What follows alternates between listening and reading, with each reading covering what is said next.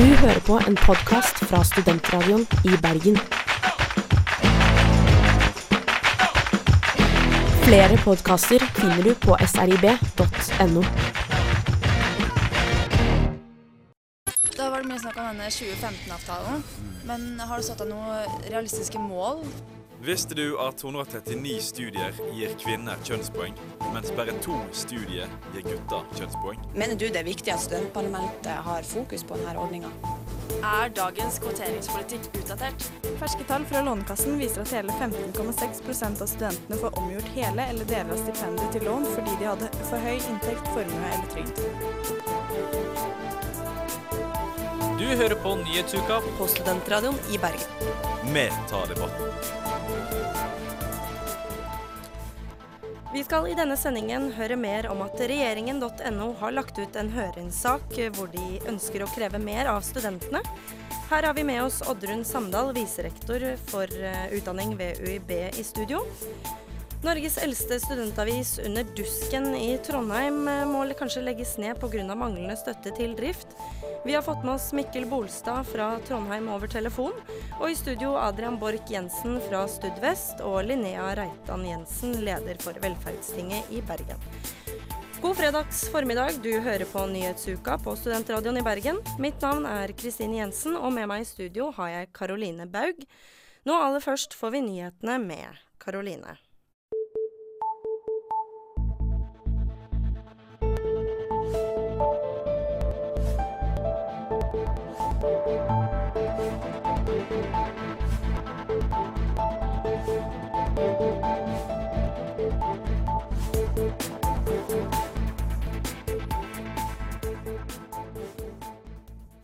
Fylkesutvalget har vedtatt å sette opp 2,5 meter høye gjerder på Askøybrua for å forhindre selvmord, melder BA. Brua som forbinder Bergen og Askøy, har i årevis vært et åsted for selvmord og selvmordsforsøk. Vedtaket om høyere gjerde går imot forslaget til fylkesrådmannen om å evaluere kameraordninga som ble iverksatt i fjor. Arbeidet, som er beregna til å koste mellom 30 og 40 millioner, vil tidligst starte i 2016. I disse dager foregår pilegrimsferden hajj i Mekka. BA melder at flere personer fra Bergen er i Mekka. Bergen muslimske forening har ikke fått kontakt med de som har reist ned. Så langt har over 700 mennesker blitt trampa i hjel i forbindelse med pilegrimsferden i byen. Ifølge NRK har totalt 325 nordmenn reist ned for å delta. Nordmenn er dårlige til å bruke kondom, melder Norges største studentavis Universitas. Til tross for hyppige informasjonskampanjer blir stadig flere i aldersgruppa 20-24 smitta av klamydia, viser ferske tall fra Folkehelseinstituttet. I 2014 var to tredjedeler av alle diagnostiserte under 25 år. 2.9 bestemte Oslo tingrett at Pirate Bay og flere andre nedlastningssteder skulle stenges. 11.9 stengte flere selskap tilgangen til bl.a. Pirate Bay, men nå er altså piratene tilbake i norske farvann, ifølge BA. Nedlastingssida har ganske enkelt endret domenenavn, og unngår på den måten dommen fra tingretten. Willy Johansen i Rettighetsalliansen påpeker at selv om domenet ikke er det samme som i tingrettsdommen, er sida fremdeles ulovlig.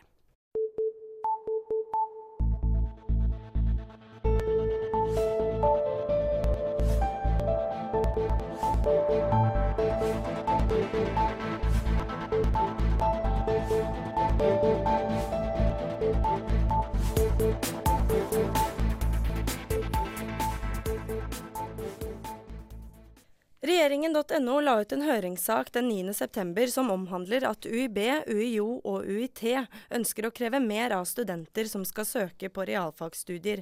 De ønsker at samfunnsfaglig matematikk, S1 og S2, ikke lenger skal godkjennes som grunnlag for opptak til realfagsstudier.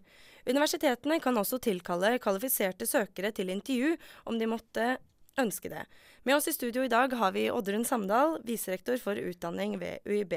Men hva tenker VGS-elevene om dette? Universitetet i Bergen nå vil innføre strengere opptakskrav til realfagsstudiene for VGS-elever. Hva tenker du om det? Jeg syns de bør ha uh, ulike nivåer, sånn at folk uh, kan velge det de syns er best egnet for de da. At hvis noen sliter med matten, syns jeg det er rett at de skal få lov til å ha en lettere matte. De vet jo ikke på forhånd sånn hvor vanskelig det er hvis de syns det er vanskelig, liksom. Eh, men eh, at så lenge alle får de samme mulighetene, syns jeg det er greit. Jeg tenker vel at det kanskje er litt dumt. Og Jeg vet at på vår skole så er det en del som er interessert i det, men de syns samtidig at det er veldig vanskelig. At de føler at de klarer ikke å få gode nok karakterer liksom, til å kunne ta realfag, liksom. De burde jo ha flere valg i matte, slik at de som ikke er så sterke i matte, kan velge, da. Jeg tenker egentlig at alle burde få de samme muligheten til å gjøre det de vil. Det er litt teit, egentlig. Du må kunne, må kunne komme inn med generell matte, egentlig. Nei, jeg syns at det går helt fint. Så lenge man kan det, så, ja, så er det egentlig bra. Det er P-matte og R-matte bare. Så blir det veldig stor forskjell mellom de to mattene. Oddrun Samdal, velkommen til deg. Takk. Mange av VGS-elevene sier de er uenige og at forslaget, og at forslaget ikke skaper like muligheter eh, for alle. Hva tenker du om det? Jeg kan forstå eh, elevene sitt utgangspunkt med at de nå må velge eh, spesialisering tidligere. Eh, sånn at når de kommer i tredje klasse, så har de ikke så mange valgmuligheter hvis ikke de har valgt en fordypning i matematikk f.eks. sammen med fysikk, kjemi eller biologi. Så eh, jeg kan forstå det, men samtidig så tenker jeg at eh, med dagens system så er det kanskje mange som blir veldig overrasket når de kommer på universitetet og skal studere fysikk, kjemi eller biologi, over hvor mye matematikk som faktisk inngår i disse studiene. Og eh, det er ganske krevende matematikk og statistikk som gjør at det å ha et grunnlag med både med R1 og R2 matematikk fra videregående skole vil være et, et veldig godt startpunkt for de studiene. Ifølge høringsbrevet fra Kunnskapsdepartementet seksjon 4.3 om spesielle opptakskrav til informatikk, realfag og natur- og miljøfag, så foreslår Kunnskapsdepartementet at det burde være en felles forsøksordning på alle like studier. Vil dette kunne gjelde de studiene Matnat-fakultetet gikk med på, eller vil dette gjelde alle studier innenfor informatikk, realfag og natur og miljø? Det vil gjelde um, alle realfagene våre. Altså vil, eh, vi, når vi spilte inn eh, forslag til departementet, så ba vi om en fordypning i, fordypningskrav i eh, matematikk. Og så har departementet kommet tilbake og sagt at de i tillegg ønsker et fordypningskrav på det fagområdet som en velger å studere, dvs. Si fysikk, hvis en skal studere fysikk, eller kjemi, biologi. Og det gjelder òg for informasjonsteknologi og, og geofag. Og teknologi og forskningslære. Så det gjelder for alle disse fagområdene at en skal ha matematikk pluss da fordypning i matematikk pluss fordypning i det fagområdet som en ønsker å studere. Eh, og det er foreslått som en forsøksordning som da skal evalueres for å se om dette her eh, tjener de hensiktene som, som vi har. Dere var med på å forme dette forslaget fordi dere mener at realfagsstudentene ikke har de nødvendige forkunnskapene til eh, studiene. Kan man rette kritikken mot læreplanene på de videregående skolene? Det som vi ser, eh, det er jo at det å ha en fordypning i matematikk spesielt, det er veldig viktig. Og vi har gjort egne studier som viser at eh, studenter som kommer med en fordypning i matematikk når de begynner på universitetet, de gjør det mye bedre fordi de har en, en basis. Eh, og i både fysikk og kjemi og biologi så er det veldig mye matematikk. Så det da å stille dette kravet, det tenker vi er, er formålstjenlig. Og det er jo når en, hvis en ikke har R2 eh, matematikk fra videregående skole, så har en ikke den eh, fordypningen. Tror du det er noe som kan være med på å senke interessen for realfagsstudier? Jeg håper ikke det. Eh, men det er klart det er en utfordring her om at en må, må velge fordypning i matematikk eh, og det for, eh, sikre at en har tatt eh, fordypning òg innenfor det fagområdet som en ønsker da å studere videre i høyere utdanning. Og eh, det gjenstår å se effekten av det, men, men jeg håper jo og tror at det, det at en da velger tidligere på videregående skole og, og en fordypning både i matematikk, fysikk, eh, kjemi eller biologi, altså matematikk må alle ha, så, så har en satt i gang valget og, og, styrket interessen sin for det fagområdet tidligere i videregående skole, og så tar en den med seg og bygger videre på det på universitetet. Det blir jo også nevnt at de universitetene som skulle ønske det, kan kalle inn søkere til intervju. Er dette noe dere kommer til å gjøre? Det har ikke vi helt konkret tatt eh, stilling til, men det, det, er en tilnærming som har vært vurdert på flere av profesjonsstudiene våre, f.eks. både innenfor, eh, innenfor, medisin eh, spesielt. Eh, så det er noe som vi ønsker å, å vurdere. Eh, vi, Universitetet i Bergen vi spilte jo inn at vi ønsket å teste ut motivasjonsbrev eh, som en ordning. og Det går jo litt i samme gate med at vi i tillegg til vi er opptatt av de faglige kvalifikasjonene eh, hos studentene, så er vi òg opptatt av motivasjonen for å studere eh, et, eh, et bestemt studieprogram. da. Eh, nå nå snakka du jo litt om det motivasjonsbrevet, eh, men dette ble det sagt nei til på et tidspunkt. Eh, er, det, eh, er, det, er, dette et motforslag i stedet for eh, brev, altså søkebrevet?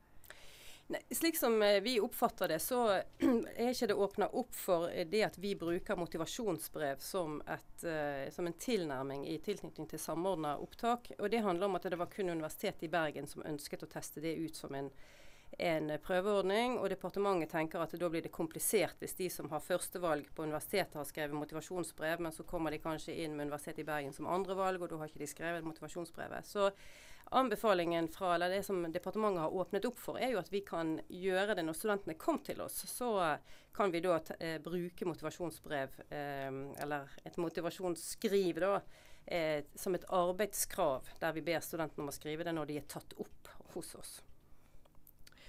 Eh, tenker dere å innføre høyere opptakskrav på andre studier også? Vi har ingen eh, konkrete planer om det. Alle fakultetene og alle universitetene og høyskolene i Norge fikk jo en invitasjon fra Kunnskapsdepartementet om å spille inn ønsker om eh, skjerpede eller høyere opptakskrav. Og det var kun Matematisk-naturvitenskapelig fakultet ved Universitetet i Bergen som, som, spilte inn det. Og den gangen så var det da en fordypning i matematikk vi ønsket oss.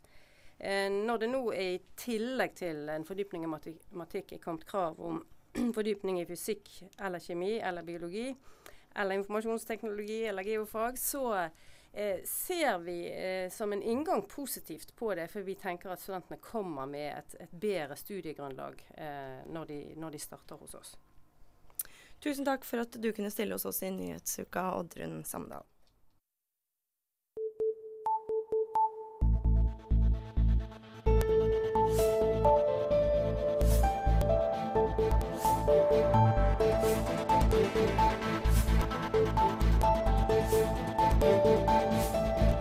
Hører på Nyhetsuka på Studentradioen i Bergen.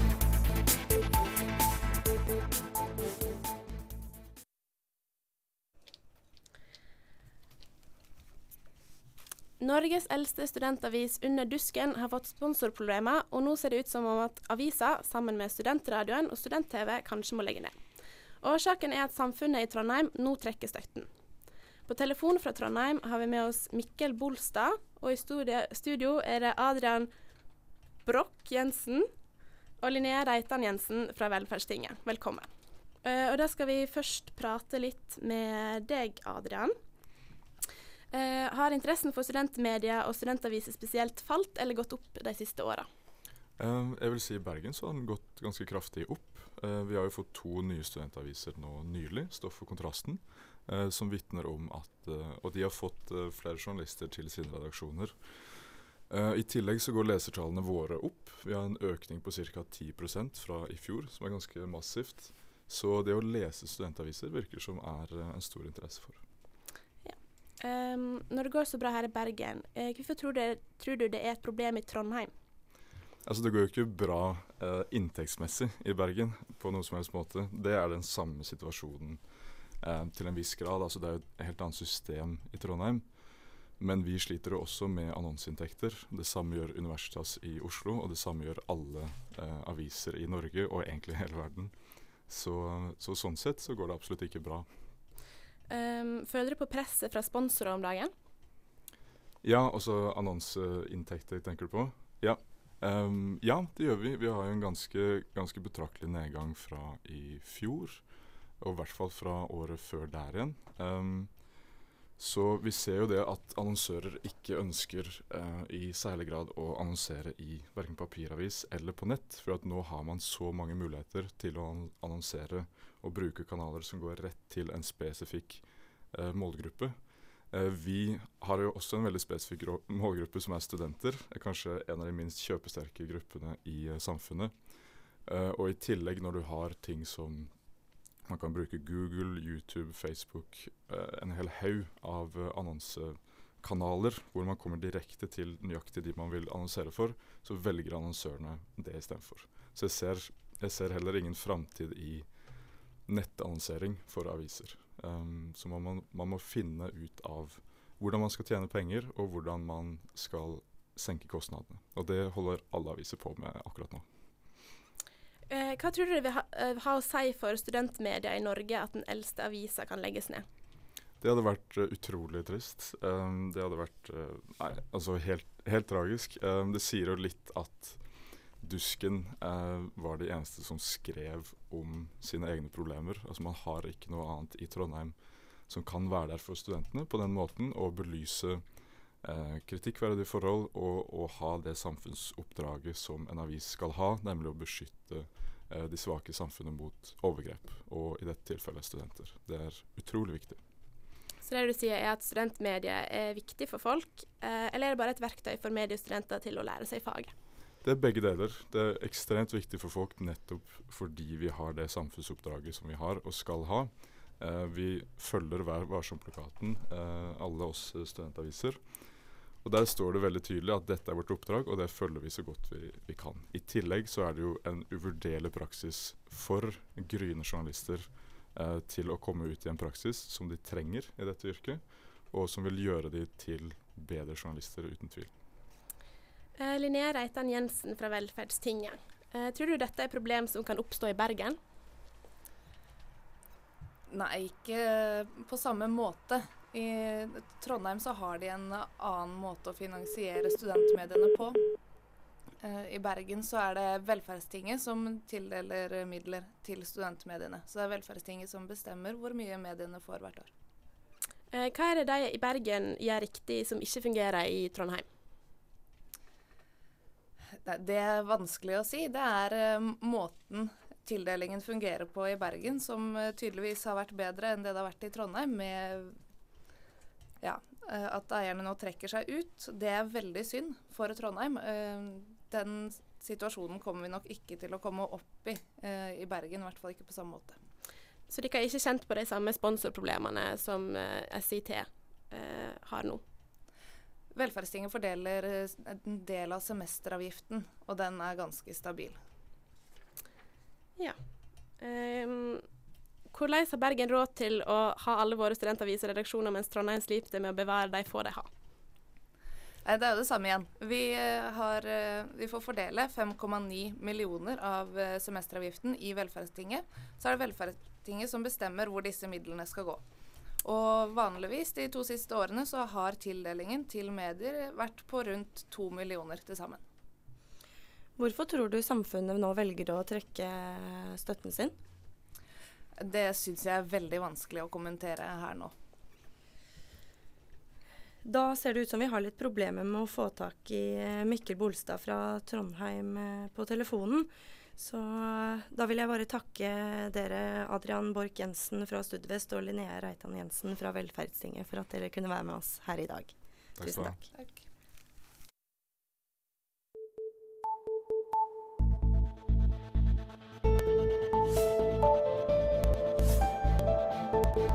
Ukens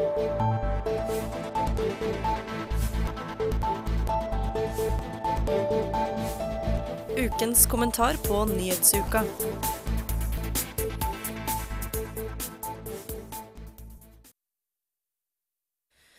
Jeg vil gjerne takke Universitetet i Bergen for tidenes mest uryddige semesterstart. Saken er at jeg gjerne ønsker å komme inn på PPU praktisk pedagogisk utdanning for å bli lærer til neste år. Men for å komme inn her er det noen krav, slik det er med alt annet.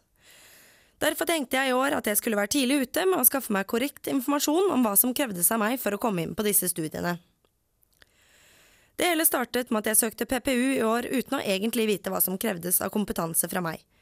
Jeg hadde bare hørt at man måtte ha en bachelorgrad, og at man måtte ha 60 studiepoeng innenfor et annet felt. Jeg hadde da gått et årsstudie med utviklingsstudier som jo er tverrfaglig, men jeg prøvde meg likevel. Jeg søkte ved tre forskjellige institusjoner og fikk ulikt svar fra alle tre. Det skal sies at jeg ikke kom inn på noen av de tre. Det var derfor noe uklart for meg hva kriteriene for å komme inn var, og jeg startet derfor min etterforskning og tok telefonen fatt. Jeg ventet langt om lenge og lenger enn langt i kø, på telefon hos alle tre. Den ene kom jeg aldri gjennom til, selv om jeg prøvde i flere dager. Da jeg endelig kom igjennom hos nummer to, forklarer jeg saken og blir henvist til en annen. Her forklarer jeg saken på ny og blir igjen henvist til en annen, som til slutt meddeler at personen som kan svare på mine spørsmål, er på ferie, og at de må komme tilbake til meg. Det tikker riktignok en mail inn en stund senere med et utdypende svar på hva som var grunnen til at jeg ikke var kvalifisert. Hos nummer tre var det på'n igjen, og jeg ble til slutt satt over til rett person. Her fikk jeg svar på hvilke emner som var nødvendig for å komme inn, og fikk dermed også vite at det ikke holdt med bare 60 studiepoeng, men at man måtte ha noen bestemte emner innenfor hver retning for å kvalifisere til opptak. Jeg takker for flere gode samtaler med utfyllende svar. Da jeg 26. juli fikk svar fra Samordna opptak om at jeg ikke hadde kommet inn på mitt første valg, men andrevalget mitt, som var historie, raste verden sammen. For dette var et av emnene jeg ble anbefalt å ikke ta. Da startet et nytt kjør med telefonsamtaler. Allerede nå kjente jeg at det var slitsomt, og jeg følte jeg slet med å få all den informasjonen jeg trengte. Dette var 26. juli, altså tre uker før semesterstart. Mannen jeg snakket med på telefonen sa at så lenge jeg hadde studierett ved UiB, kunne jeg melde meg opp til alle åpne emner og kunne ta emner innenfor geografi om det var dette jeg ønsket. Men jeg måtte selv passe på i og med at det var et begrenset antall plasser. Jeg var derfor rask med å melde meg opp til emnet i frykt for å ikke få plass. Etter dette senket jeg skuldrene frem mot semesterstart. Jeg hadde notert meg alle emnene jeg måtte ha for å kvalifisere til PPU til neste år. Jeg var optimistisk og følte jeg hadde gjort en god jobb i å skaffe meg all informasjonen jeg trengte. Jeg hadde min første forelesning 18. august, og hadde da sørget for at ingen av emnene jeg skulle ha dette semesteret, krasjet, og begynte smått å melde meg opp til seminarer. Jeg kjøpte pensum og så lyst på dette semesteret selv om jeg skulle ta 45 studiepoeng. Det skal sies at jeg er det man kan kalle en aktiv student, også ved siden av studiene. Det krever derfor litt planlegging fra min side for å få kabalen til å gå opp. Nå hadde det gått en ukes tid, og jeg hadde meldt meg opp til seminarer i alle emner. Jeg hadde notert meg alle eksamensdatoer og rett og slett planlagt livet mitt helt frem til 1. desember. I en av forelesningene mine kom jeg i snakk med noen andre studenter. De forteller de er frustrert pga. noe rot med omlegging av emner ved Instituttet for geografi, og de forteller at de ikke vet hva de skal gjøre, og heller ikke helt sikker på hvilke emner de må ta. Jeg hadde hørt noe småprat om denne omleggingen tidligere, men regnet med at jeg ikke var berørt av dette i og med at jeg ikke hadde hørt noe om det i mine utallige samtaler med UiB, eller lest noe informasjon om det noe sted. Videre sjekker jeg litt opp i dette, og finner da ut, bare noen dager før fristen til å melde seg opp i emner går ut, at jeg også må bytte for å få riktig kompetanse til PPU. På dette tidspunktet står det røyk ut av ørene mine, og jeg er mildt sagt illsint. Jeg sender mail rundt og får svar på det jeg lurer på. Jeg henvender meg dermed til infosenteret på SV-bygget for å være sikker på at jeg denne gangen blir meldt opp til riktige emner. Når jeg da skal gjøre dette 31. august, får jeg beskjed om at jeg ikke kan melde meg opp til emnet gjennom Studentweb. Da må jeg kontakte studiekonsulent ved Instituttet for geografi, som forteller at det har skjedd en stor glipp, hvor de som ikke går et ordinært studieløp, ikke har fått noen informasjon om dette. Hun forteller at de på grunn av dette skal være fleksible og tilrettelegge for oss som har blitt rammet. Det ble nå mitt ansvar å skaffe meg informasjon videre. Det er jeg som må sende mail for å få plass på den datalaben som passer inn i min timeplan. Det viste seg jo heller ikke å være noen smal sak. Ordene fleksibel og tilrettelegge gikk på repeat i hodet mitt da jeg fikk beskjed om at dette ikke var mulig, etter både emneansvarlig og seminarleder hadde bekreftet min plass i denne gruppen. Tre mail og to uker måtte til før jeg fikk plass. I dag er det under tre uker til første eksamen, og jeg er rett og slett utslitt. Ansvarsfraskrivelse, mangel på tilrettelegger og mangel på informasjon er ord jeg vil bruke for å oppsummere rollen til universitetet i denne situasjonen. Jeg har hørt beklagelse på beklagelse, men det gjør meg intet godt. Alt jeg ønsket var en frisk start på semesteret hvor jeg kunne bruke kreftene mine på å gjøre det godt i studiene. Frustrasjon er bare fornavnet, og jeg er trist og lei meg. Da jeg snakket med de som har med dette å gjøre, har jeg heller ikke følt at kritikken min har gått i god jord. Det har nok sin grunn, har jeg blitt fortalt gang på gang. Jeg håper virkelig ledelsen tar dette til etterretning og ser at de har noen områder de kan forbedre seg på i fremtiden. For kjære medstudenter, dette er faktisk en skjebne jeg ikke engang ønsker min verste fiende. Ellers håper jeg virkelig dere andre har hatt en strålende semesterstart, og at dere får brukt energien deres der den virkelig trengs, på det faglige. Lykke til på eksamen, alle sammen. Det var kommentar av Kristine Jensen.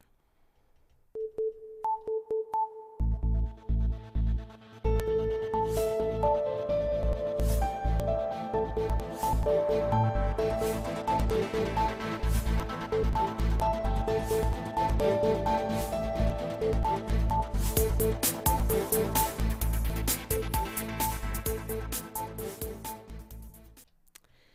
er snart halv tolv, og du hører på Nyhetsuka i Studentradioen i Bergen.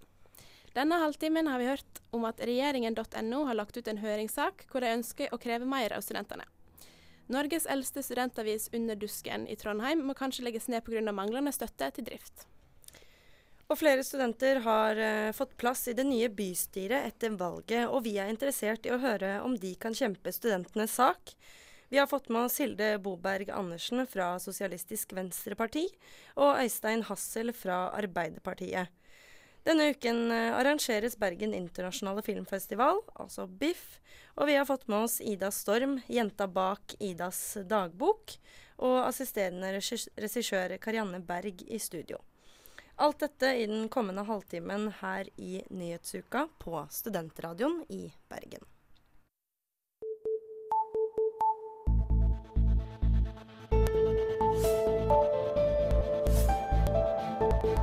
Du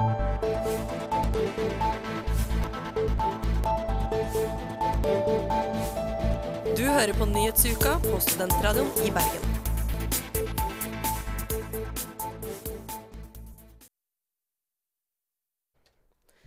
Tolv år med Høyre-styre er over. Men vil studentene merke noe forskjell nå som det er Ap som skal danne nytt byråd? Vi undersøkte nærmere hva studentene tror, og hvordan kommunen påvirker studentenes liv. Kommunestyre- og fylkestingsvalget er over for denne gang. Den store seierherren i valget var Arbeiderpartiet. Her i Bergen er tolv år med høyrestyre over, og Arbeiderpartiet skal forhandle frem hvem de skal styre sammen med. Men hva vil det si for studentene? Blant studentene vi snakket med, trodde flere på endring, men hva det vil gå ut på, var de usikre på. Det er jeg litt usikker på. Det gjør vi helt sikkert. Eh, men eh, noe utover det, jeg har ikke noe innsikt i hva forskjellige partiene eh, står for. Men jeg tror vi kommer til å merke noe forskjell. det tror jeg. Jeg har det ganske fint som student i Bergen, så jeg håper jo på håper jo at det vil selvfølgelig gi litt bedre nytte sånn i forhold til andre i andre sammenhenger. da. Jeg tror egentlig ikke det blir så veldig stor forskjell. Egentlig. Det er for mange, spesielt ikke hvis de går inn i regjering med KrF i tillegg, så jeg tror ikke det er så veldig mye, egentlig. Jeg sendte SV, så jeg har ikke satt meg helt inn i partipolitikken, lokalpolitikken til Arbeiderpartiet, men Jeg tror det blir um, en forandring til det bedre. Det gjør vi nok helt sikkert, men jeg vet ikke helt hvordan det blir. Men det gjenstår vel bare å se. Leder for studentparlamentet ved UiB, Johanne Vågland, forklarer deres forhold til kommunen. De aller fleste på en måte, velferdssaker som vi jobber med, tas gjennom velferdstinget i Bergen. Eh, og der er det mer politikk som går direkte på samhandling med Bergen kommune. Så ja, hovedsakelig gjennom eh, velferdstinget i Bergen. Men vi har jo en del felles studentsaker som er viktige, viktige for oss alle. Men da er på en måte velferdstinget i Bergen liksom samlende stemme da, for hva vi har lyst til å få til, og vårt arbeid opp mot kommunen. Hun sier at forholdet til kommunen har vært bra. Vi har eh, jevnlige møter med, med byrådsleder i sånt kontaktutvalg, der, ulike, der på en måte leder av velferdsting er med, i tillegg til leder av studentparlamentet hos oss og Høgskolen i Bergen, NHH forskjellig.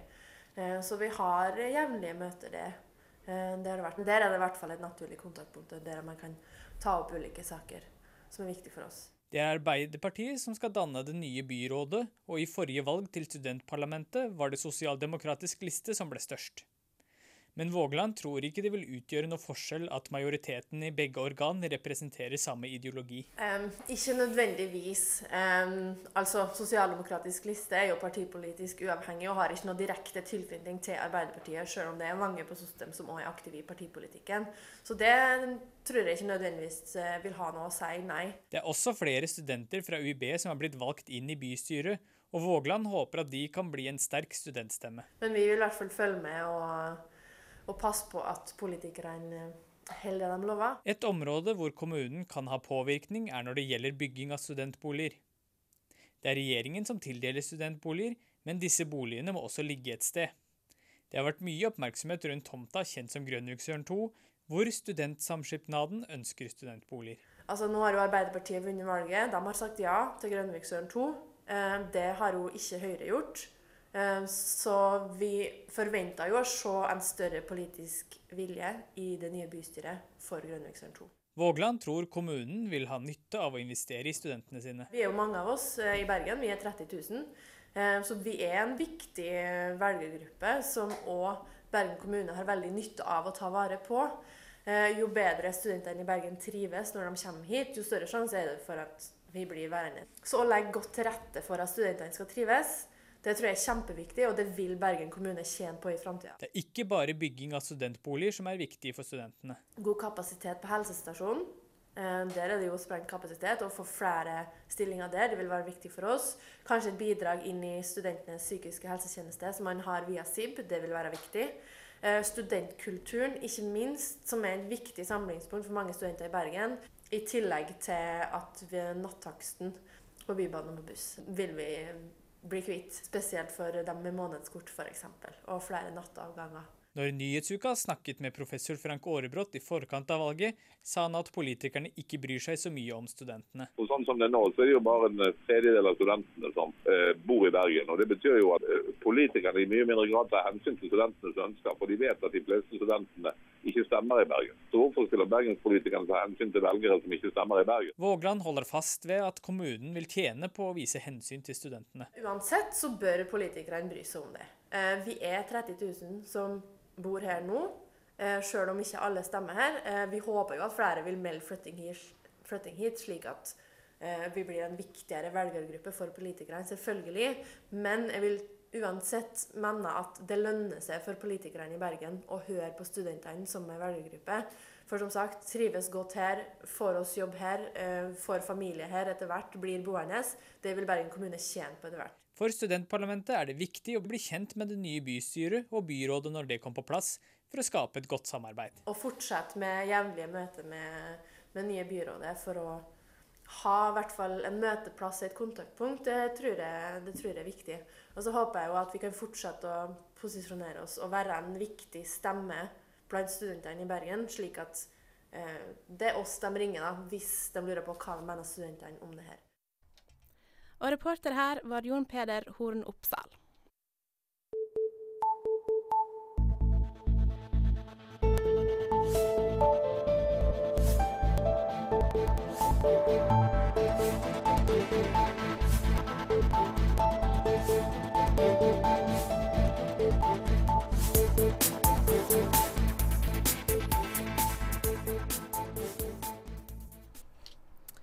Ved valget i år var det flere studenter som sto på partienes valgliste, og da resultatet var klart, hadde flere fått plass i det nye bystyret. Med oss i studio har vi fått to av disse. Hilde Boberg Andresen fra Sosialistisk Venstreparti og Øystein Hassel fra Arbeiderpartiet. Velkommen. Takk. Takk. Eh, hvorfor valgte dere å stå på liste i valget? Ja, altså jeg mener at det er viktig at uh, alle aldersgrupper og yrkesgrupper er representert i bystyret. og Derfor er det også viktig at vi har unge mennesker eh, til å være med på å bestemme utviklingen av byen vår. Eh, og Fordelen til oss unge er jo gjerne at vi, vi ennå er litt idealister og kan tenke litt høyt og litt nye tanker. Og det tror jeg at et organ som bystyret i Bergen har veldig godt av. Ja, Vi trenger folk som kanskje ikke har hørt en million ganger at dette går ikke, fordi det har vi gjort før og vært gjennom nye tanker. og, uh, og noen som på en måte tør å være annerledes, da, fordi det er liksom greit, fordi vi er jo studentene, så da er det greit. Uh, de hadde begge ganske sikre plasser. Uh, regner dere med å komme inn? Ja, jeg håpet jo det, men altså, jeg sto jo på tredjeplass da nå fikk SV inn fem, fem, mandater. Så det var jo personstemmer om å gjøre. da, så jeg oppfordret jo folk til å krysse av meg. Ja, jeg var jo ikke sikker i det hele tatt. Selv om jeg sto ganske høyt på listen, så var jeg ikke kumulert. Så jeg hadde jo ingen sikkerhet for at jeg kom inn. Men uh, eh, AUF drev jo en stor valgkamp for de unge kandidatene, og det har jo resultert i at de har fått mange AUF-ere inn i bystyret. Jeg har dere tenkt noe på hvordan dere skal klare å kombinere studenthverdagen og politikken? Oi. Veldig, veldig, veldig anstrengende. Jeg vet ikke, Det blir sikkert veldig eh, kjekt. Begge vi to har jo bakgrunn fra ungdomspolitikk før, så vi er jo vant med altså Jeg var i Sosialistisk Ungdom, Øystein var i eh, AUF, så vi er vant til å kombinere skole eller studie med politisk arbeid. da. Så hvis vi bare har litt selvdisiplin, så tror jeg det skal gå. Eh, leder for studentparlamentet ved UiB, Johanne Vågland, har sagt at hun håper studentene som har kommet inn i bystyret, kan være en sterk stemme for studentene. Kan, eh, kan dere det? Ja, ja, det kan vi åpenbart. Um, og det er jo sånn at Bergen er en viktig og stor studentby med mange studenter, eh, men vi trenger flere studentboliger. Og der mener jeg at eh, Hilde og jeg og vi andre som er studenter, kan presse litt ekstra på våre partigrupper og bystyret, sånn at eh, kommunen får eh, skaffet til veie flere tomter til studentboliger. Selvfølgelig skal alle politikerne være opptatt av det, men det er jo noe med at uh, vi som er studenter sjøl, vi kjenner litt ekstra godt på kroppen hvor skoen trykker. Vi vet hvordan det er å leve på stramme budsjetter. Vi vet hvordan det er å være på uh, boligmarkedet og lete etter uh, veldig dyre boliger. Så, så, vi kjenner ekstra godt på det behovet for at vi bygger ut flere studentboliger i Bergen, og det skal vi jobbe for. Er det samme saker du tenker er viktige, eller er det noe ja, annet? Du har jo de åpenbare studentsakene, men så må vi huske at studenter er jo kjempeforskjellige. Sant? Det eneste vi har til felles, er jo på en måte alderen vår, og at vi går på universitetet. Og da hjelper det å ha noen i bystyret, tror jeg, da, som har i hvert fall samme utgangspunkt, da, som typisk er ung, mye å gjøre på skolen eller studiet, lite, lite penger, kanskje ikke kjøre bil. Da, altså de forutsetningene som vi deler med studenter, da. Det er veldig viktig. Er det viktigere med studentpolitiske saker, eller er dere på lik linje opptatt av den generelle politikken? Altså, Alt er jo viktig, og jeg mener at uh, det er et viktig poeng at når vi nå går inn i bystyret, så skal vi uh, bli tatt på alvor som uh, vanlige politikere som skal være opptatt av alle saker. Det ville vært litt unaturlig om vi som studenter og ungdommer bare skulle si at vi vil kun snakke studentpolitikk og ungdomspolitikk, fordi det handler om å bli tatt seriøst og bli oppfattet som en eh, seriøs politiker på lik linje med, med, andre. Eh, men når det er sagt, så har jo vi et ekstra ansvar for å følge opp saker eh, der vi gjerne har bedre forutsetninger for å kjenne på kroppen hvordan ting er. Eh, vi møter studenter, vi møter ungdommer i det daglige. Vi vet bedre hvor, eh, hvor skoen trykker, og da er det vårt ansvar å følge det ekstra opp. Du er enig i det? Ja, jeg er enig i det han sier. Studentpolitikk er jo kjempeviktig, men vi kan jo ikke bli stemplet som Altså at resten av gruppene våre bare går til oss hvis det handler om ungdomspolitikk. Men jeg mener jo også at når ting som angår studenter skal tas opp, så bør eh, gruppene våre forholde seg litt ekstra til oss unge som er studenter, da, og høre hva vi mener. Er det noen saker som vil bli ekstra viktige for studentene? Boliger er ja, viktig. Studentboliger er veldig viktig, og det, det, har jo Bergen eh, kommune mulighet til å gjøre noe med. Og så har du fylkestinget som, eh, som uh, forvalter kollektivtransporten. Og Der har jo vi fått nå et nytt flertall på fylkestinget bestående av Arbeiderpartiet, SV, Senterpartiet og Kristelig Folkeparti, som har sagt at det er viktig for oss med bedre kollektivtransport. Eh, flere avganger, men også billigere billettpriser. Og Der kan jeg trekke frem én sak som har vært viktig for oss. og Det er jo at studentrabatten gjøres aldersuavhengig. sånn at eh, Så lenge du er student, så har du rett på studentrabatt på kollektivreiser. Et annet viktig poeng er at vi ønsker å heve øvre aldersgrense på ungdomskortet, sånn at flere unge, ja. eh, også da studenter, får muligheten til å benytte seg av billig kollektivtransport. Og der er vi jo veldig enige. Ja, heldigvis. Så håper vi jo også at det nye samarbeidet kan få fjernet uh, type nattakst og sånne ting. da, for Selv om studenter skal sitte mye på lesesal, så er vi jo litt ute og rangler, og så er det greit at folk kan komme seg trygt hjem. Hassel, eh, Arbeiderpartiet skal danne byråd eh, nå. Er det noen måte du kan fremme studentenes interesse i posisjon? Ja, det blir jo eh, ekstra Altså det blir jo lettere for oss nå når vi endelig da kommer i posisjon etter tolv år med Høyre-styre. Det blir kortere vei rett og slett da, fra ideene og vedtak som vi gjør eventuelt i AUF eller eh, lokallag i Arbeiderpartiet, til det faktisk kan gjennomføres. Så det ser jeg frem til å, å sitte i posisjon, og til at vi enklere kan få gjennomført den politikken som vi ønsker oss. Og Andresen, det ser dårlig ut med byrådssamarbeid for SV. Eh, hva kan du gjøre fra opposisjon? Opposisjon Altså, jeg var jo innstilt på at det kom til å bli opposisjon, jeg. Eh, jeg har aldri sittet i et byråd før, jeg, nei, et bystyre før, så jeg vet ikke. Men jeg regner med at det er å ta ordet mye, være kompromissløs og passe på at Arbeiderpartiet holder seg til venstresidepolitikk, selv om de har lyst til å samarbeide med Venstre. Eh, det har da blitt valgt inn studenter fra SV, Ap, Høyre og Miljøpartiet De Grønne. Eh, er det noe dere i fellesskap kunne tenkt dere å gjort for studentenes interesse? Um, det hadde jo vært mye. Det første måtte jo vært uh, studentboliger, da, tenker jeg. At det aller første er at vi sier at nå må vi få start på um, mer boligbygging. Uh, og at det nytter ikke å liksom bare skyve det vekk. Sant? For da har vi noen som kan være veldig veldig kompromissløse der. Og jeg tror det er veldig nyttig at det kan være på tvers av partiene. For selv om vi kanskje er uenige om hvor boligene skal være, så er alle enige om at det er dritviktig at de blir bygget. Helt enig. Og en annen sak som jeg tror er viktig, og der vi kan møtes på tvers av partigrenser, er jo kulturpolitikken. Ja. For kulturpolitikk og studentpolitikk henger tett sammen. Bergen er en viktig kulturby, Bergen er en viktig studentby. Nå er Bergen kommune i en vanskelig økonomisk situasjon. Høyre- og Frp-byrådet la nå frem nettopp forslag om å kutte massivt i kulturen. Og der kan jo det være eh, kanskje en sak hvor vi ungdomsrepresentantene fra ulike partier kan gå sammen med å kjempe for at man ikke skal kutte like kraftig i kulturen som det nå ser ut som at det blir. Men sånn uh, all over så er uh, man ganske enig om hvilke saker som er viktig å kjempe for når det gjelder for studentene. Ja. Tusen takk for at dere kunne være med oss i dag, Hilde Boberg Andresen og Øystein Hassel.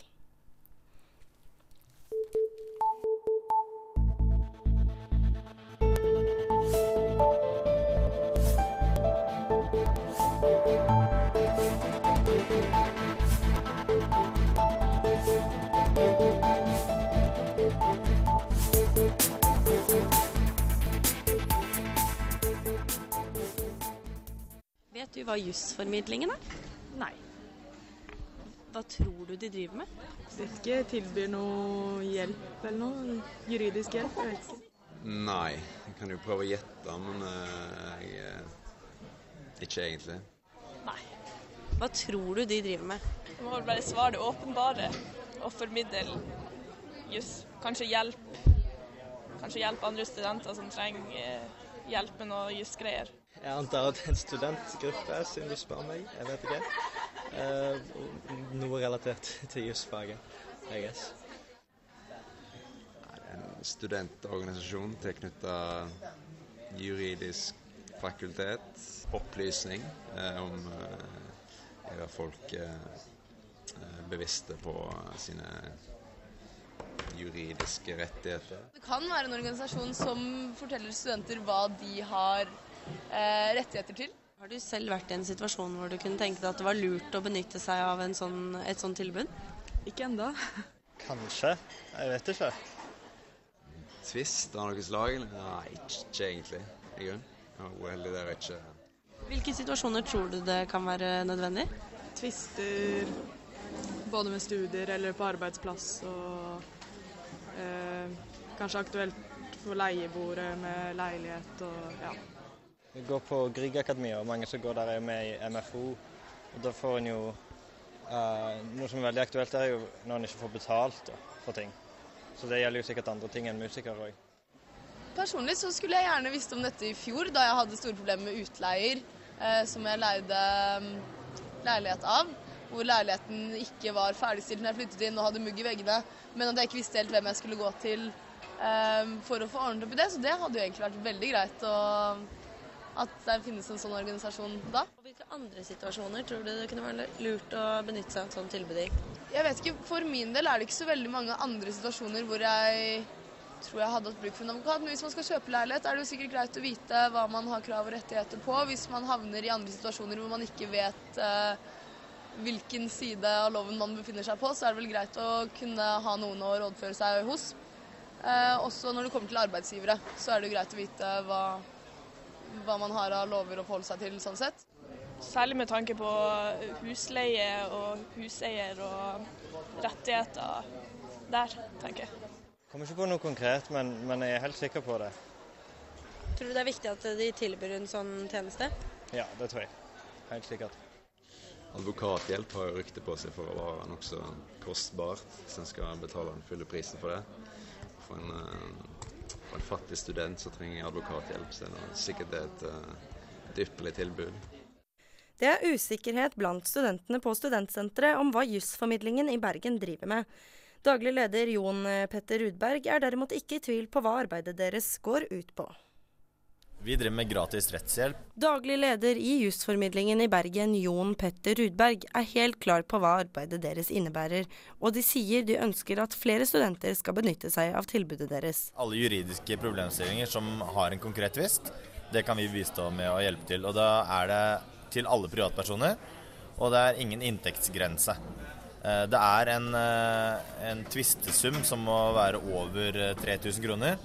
Uh, utover det så, så, er det ikke noen problemer som uh, for, for, oss å ta de aller fleste juridiske problemstillinger som studenter uh, kommer inn, innom. Jusformidlingen er drevet av studenter som er ferdig med tredjeåret og oppover, samt noen viderekomne studenter i administrative stillinger og Jon Petter Rudberg som er daglig leder og jurist. Jobben genererer 30 studiepoeng i løpet av ett år og gir god erfaring i et ellers teoretisk studie. Å jobbe hos oss så får man eh, et eget ansvar for 60 egne klienter i løpet av et år. Og får jobbet uh, veldig tett på praktisk juss med et selvstendig ansvar. Han forteller at han selv ikke jobber som saksbehandler i dag, men at tiden som saksbehandler var veldig givende. Som en saksbehandler så, så gir det meg et ekstremt uh, glede og innsikt i hvordan ekte mennesker har problem. Det er ikke så viktig hvordan hvordan liksom to fiktive mennesker i en oppgave får utfallet blir da. Men når man jobber der, så kan man se liksom, at man løser problemene for ekte mennesker. Og det er veldig givende. Det er stort sett problemer med huseierrett, problemer med depositum, skitten leilighet eller mangler ved husrom studentene kommer inn med. Men det hender også at de har problemer med lønn og feriepenger fra deltidsjobber, forteller Rudberg. Når det gjelder resten av klientmassen, er det gjerne litt andre saker som skal behandles. Det er uh, arve- og familierett. Uh, veldig mange samlivsbrudd, uh, ekteskapsbrudd og veldig mange testament. Og Det er jo eh, litt sånn symptomatisk for samfunnet. Det er, det er, flest, det er de flest brukte juristtjenestene i Norge generelt, så det er ikke unaturlig at vi også har det. Hvor viktig er det arbeidet dere gjør i og med at det er en gratis tjeneste? Jeg syns at det arbeidet vi gjør er noe av det viktigste fordi det sikrer en, eh, en rettferdighet i samfunnet som ikke man har mulighet til hvis ikke vi hadde eksistert. Fordi da hadde man måttet betale advokat, og det har ikke de fleste som kommer til oss råd til. Eh, og dessuten, så hvis du fjerner vårt tiltak fra Bergen, så er det ikke noe alternativ som er gratis. Og det er jo problematisk i seg selv. Det er ikke alle tilbud som er like viktige for samfunnet. Han forteller at tilbakemeldingene uten unntak er veldig positive. Det er jo å få hjelp på en god måte uten å betale for det, høres jo litt sånn uh, utrolig ut.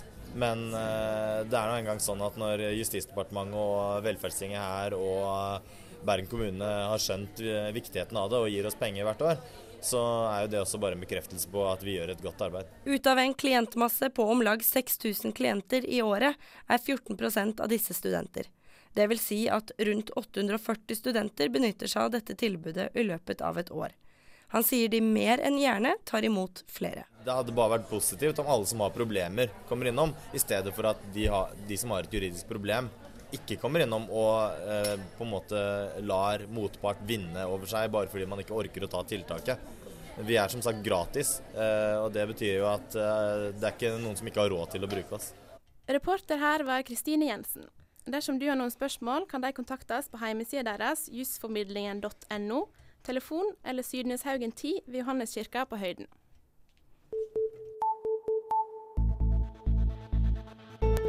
Du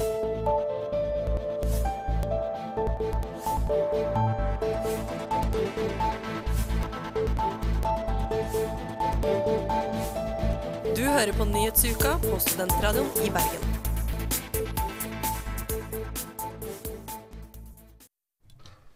Det er atter en gang duka for Bergen internasjonale filmfestival, eller BIFF, denne veka, og en av filmene ved årets program er 'Idas dagbok', som handler om ei ung jentes videodagbok gjennom livet, der hun kjemper mot en psykisk lidelse.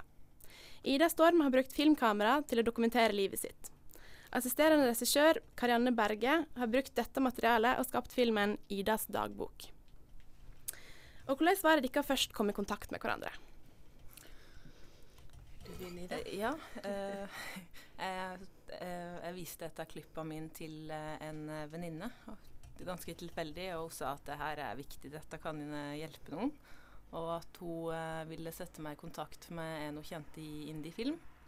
Og jeg tenkte at aldri i verden, det her er for privat. Men så gjorde jeg det. Og sendte en minnepenn i posten til indiefilm. Er du fornøyd med hvordan filmen ble seende ut til slutt? Ja, jeg var veldig veldig spent, for jeg visste jo ikke hvordan resultatet ville bli. Jeg sendte inn eh, Jeg tror jeg sendte 50 timer med filmmateriale. Så jeg så ikke filmen før den var 80% ferdig, så jeg var veldig spent på hvordan den blei. Men jeg er fornøyd med hvordan den har blitt, ja.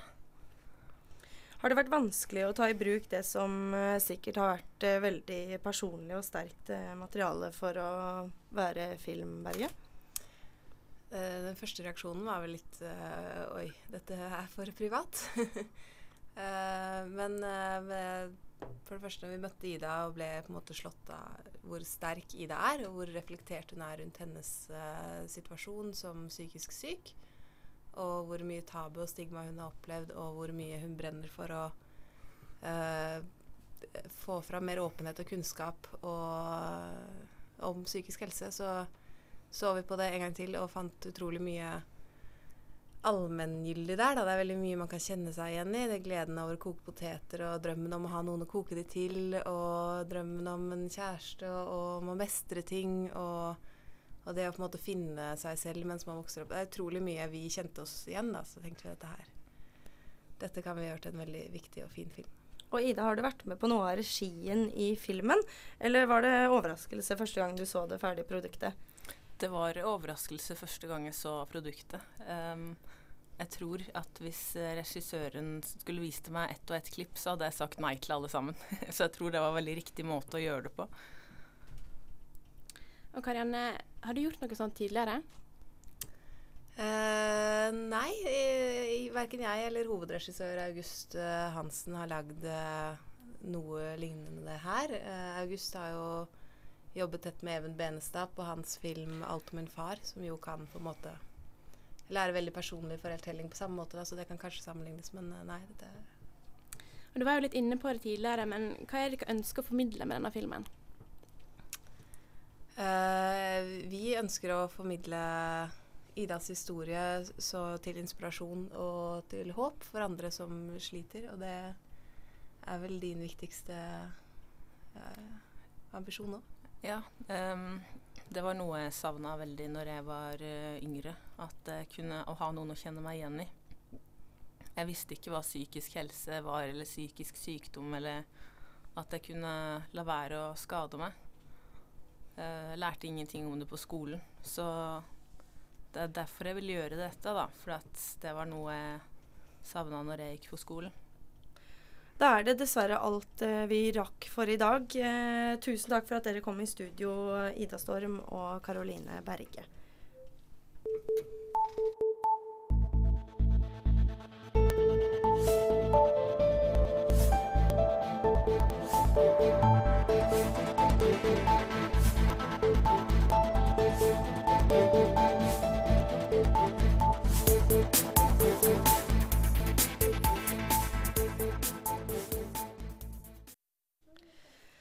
Det var alt vi hadde i dag. Tusen takk for at eh, du hørte på oss i Nyhetsuka i Studentradioen i Bergen. Vi vil gjerne takke våre gjester. Takk til vår produsent Marie Skarpaas Karlsen. Mitt navn er Kristine Jensen, og med meg i studio i dag Karoline Berg. Dere hører oss uh, igjen samme tid og samme sted neste fredag. God helg.